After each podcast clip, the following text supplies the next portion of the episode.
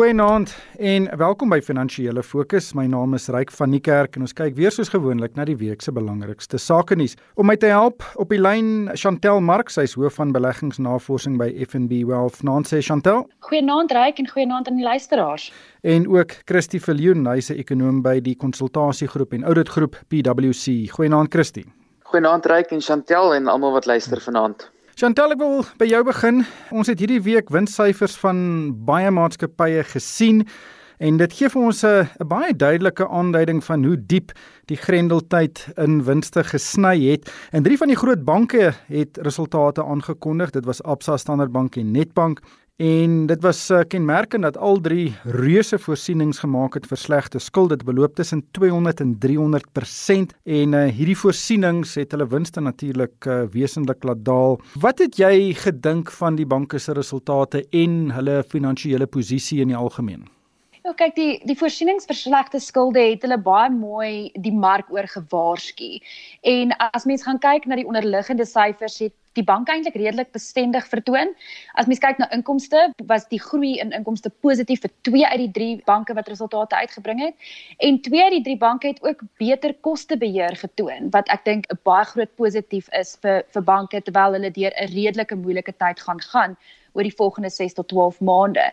En dan bly die banke ook goed gekapitaliseer wat ek dink mense nie definitief baie meer gemaklik laat voel om aan te hou om te belê in banke en om belê te bly in banke in Suid-Afrika.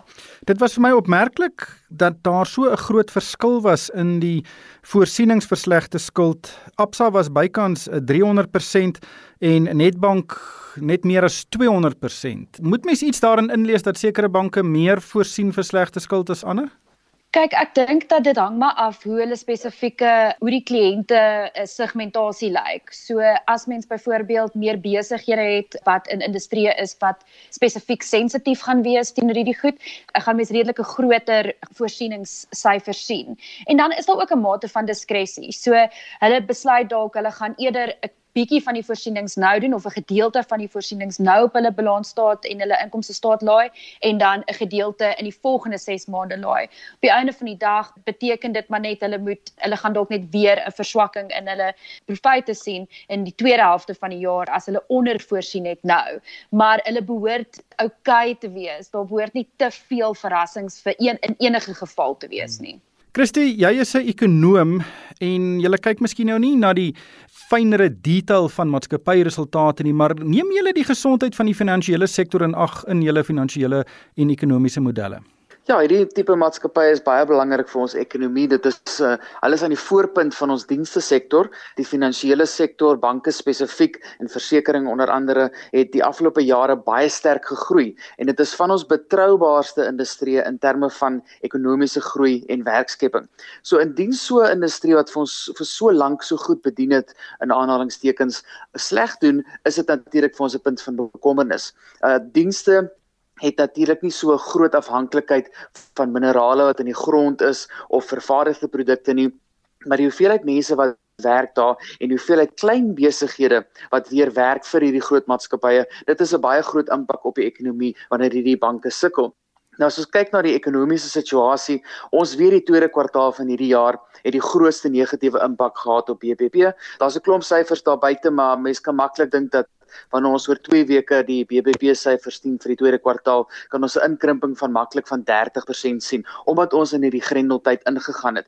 En dit het natuurlik 'n groot negatiewe impak gehad op die banke. En die banke is natuurlik die instansies waarna ons kyk om ons te help met finansiële doeleindes. En in tye soos hierdie waar ons 'n verhoogde behoefte het aan finansiële hulp, ek bedoel nou huishoudings, besighede, die regering selfs, is dit belangrik vir ons om gemaklik te voel dat hierdie banke op 'n goeie voet is. En ek dink in die kommentaar wat Chantel gegee het, ons is natuurlik nie te, te bekommerd dat hierdie banke enigsins groot probleme het en dat hulle 'n risiko is vir ons in die situasie nie, maar dit beteken dat hierdie banke ook natuurlik 'n bietjie meer paraat gaan wees wanneer hulle met nuwe besigheid begin. So as ek nou dink byvoorbeeld 'n klein sakeman wat nou besigheid moet doen met 'n bank, dit kan dalk effens teen hom tel as die instansie na wie hy toe gaan bietjie van 'n probleem opgetel het soos die afgelope tyd. So dit het verseker 'n negatiewe impak op die ekonomie in geheel. Natuurlik die ekonomie het weer 'n impak op die banke. So ek dink dit is maar net 'n weerspieëling van wat ons sien nie net plaaslik maar wêreldwyd waar hierdie ekonomiese ekosisteem op hierdie stadium baie wankelrig is en baie hulp nodig het om weer gesond aan die ander kant uit te kom. Ja, ek dink dit is belangrik om te sê dat die finansiële sektor word baie goed gereguleer.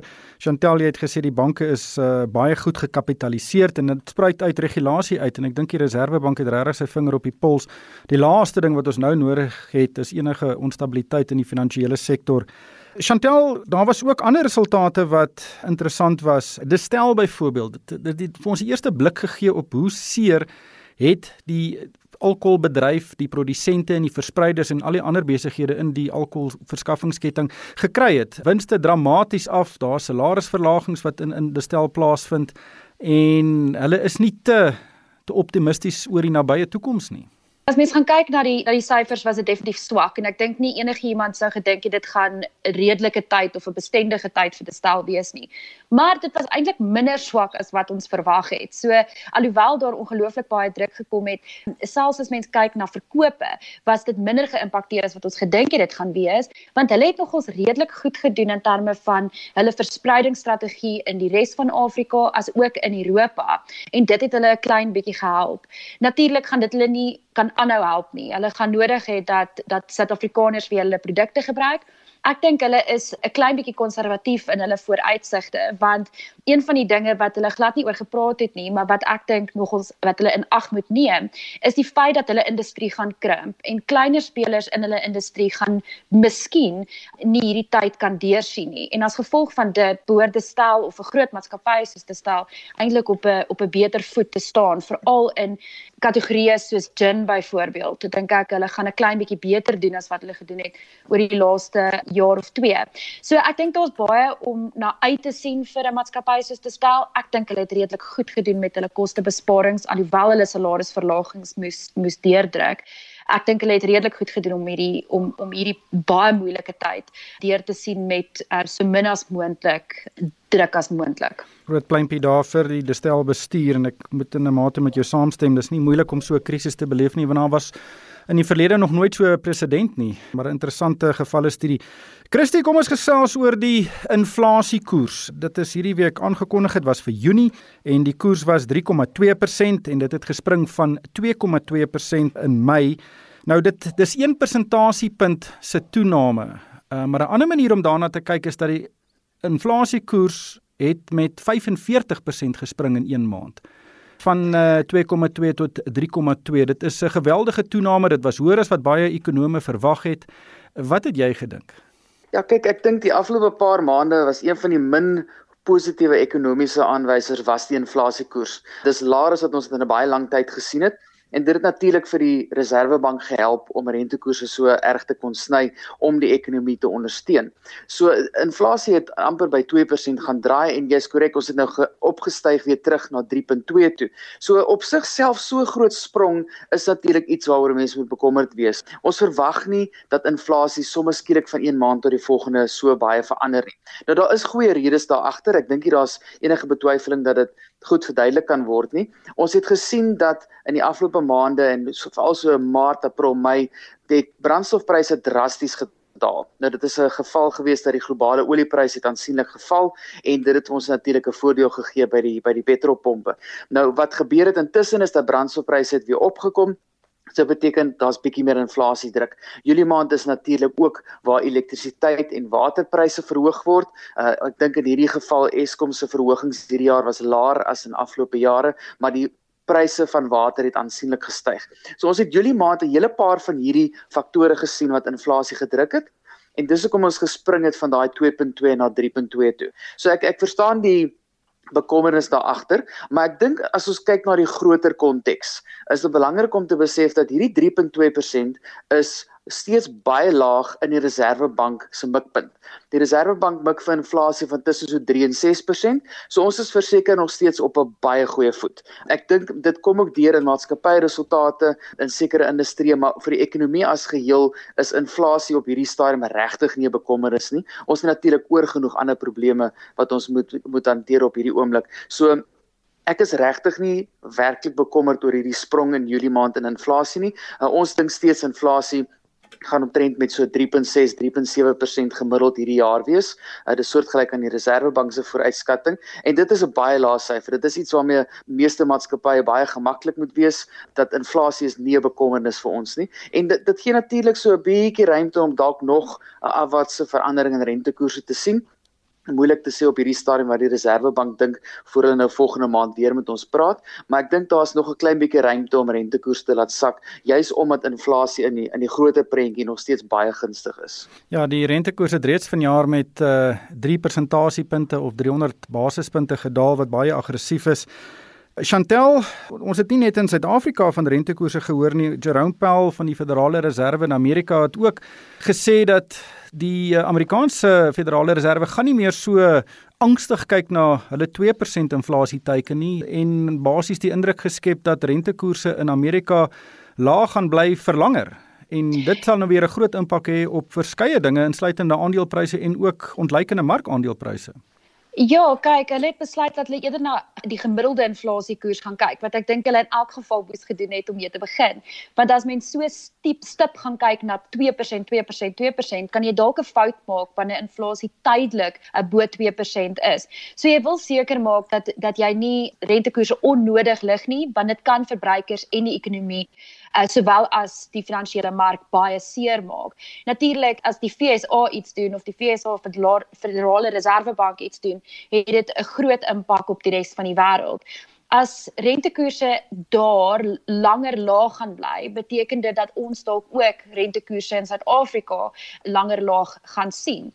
En wat hierdie rentekoers lae rentekoerse ook beteken is dat finansiële markte ondersteuning kry in die FSA en dit het dan 'n aanklop impak op die plaaslike mark. So dit is baie goeie nuus van die JSE en 'n Suid-Afrikaanse perspektief af. Christie, kom ons gesels oor die wisselkoers. Die rand het die afgelope paar weke so sterker sterker geneig, maar Vrydagmiddag 'n uh, bietjie woema gekry en en taamlik tot uh, wesentlik verstewig rondom R16.60 teen die dollar.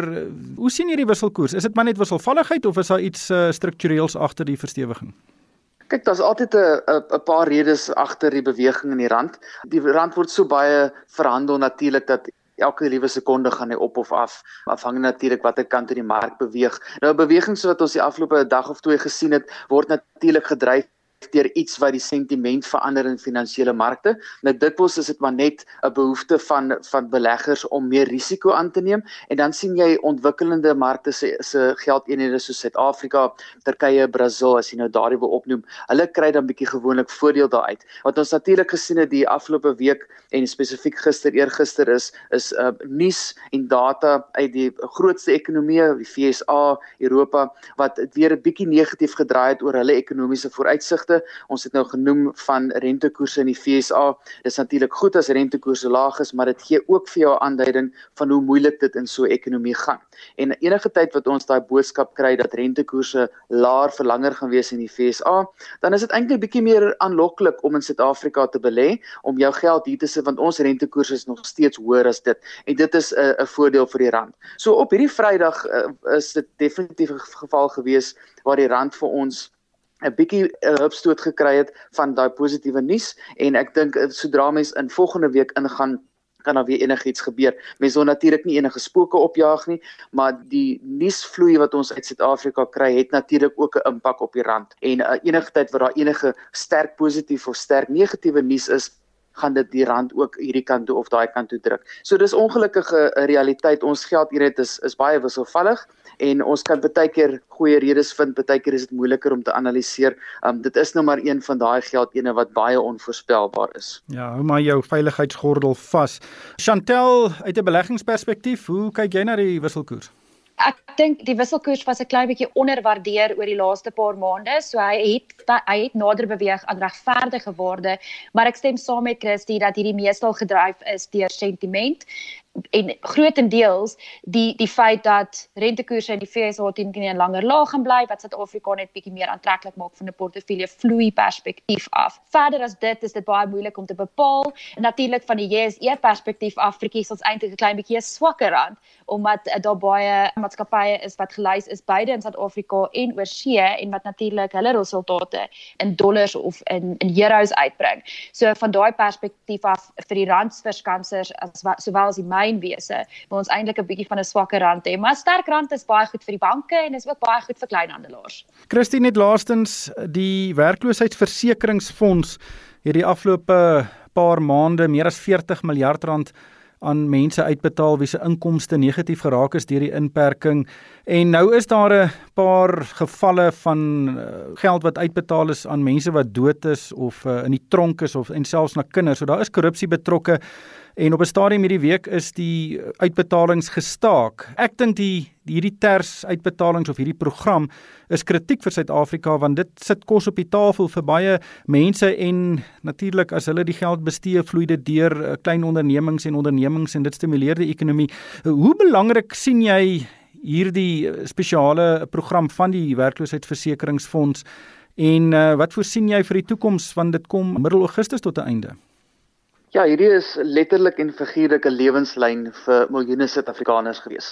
Uh toe ons die ergste van die Grendelperiode gehad het, is ek dink hierdie een van die belangrikste programme wat die regering ingestel het, moontlik een van die mees effektiewe in terme van om geld in mense se sakke te kry. Want veral in April en Mei maand was daar soveel mense wat nie kon werk nie. Hierdie is 'n manier om om om huishoudings gevoed te hou, letterlik kos op die tafel.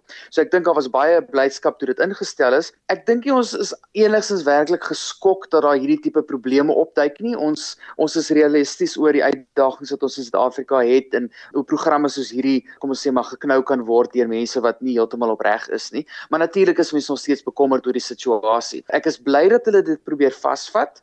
Wat vir my net 'n bietjie uh, onregverdig voel, is dat die mense wat dit die nodigste het, se betalings is gestop. Nou jy kan sê die betalings is net vir 'n paar dae gestop, miskien 'n paar dae uitgestel, maar daar's soveel honderde duisende miljoene mense wat kom ons noem dit hand tot mond mond lewe met hierdie tipe geld.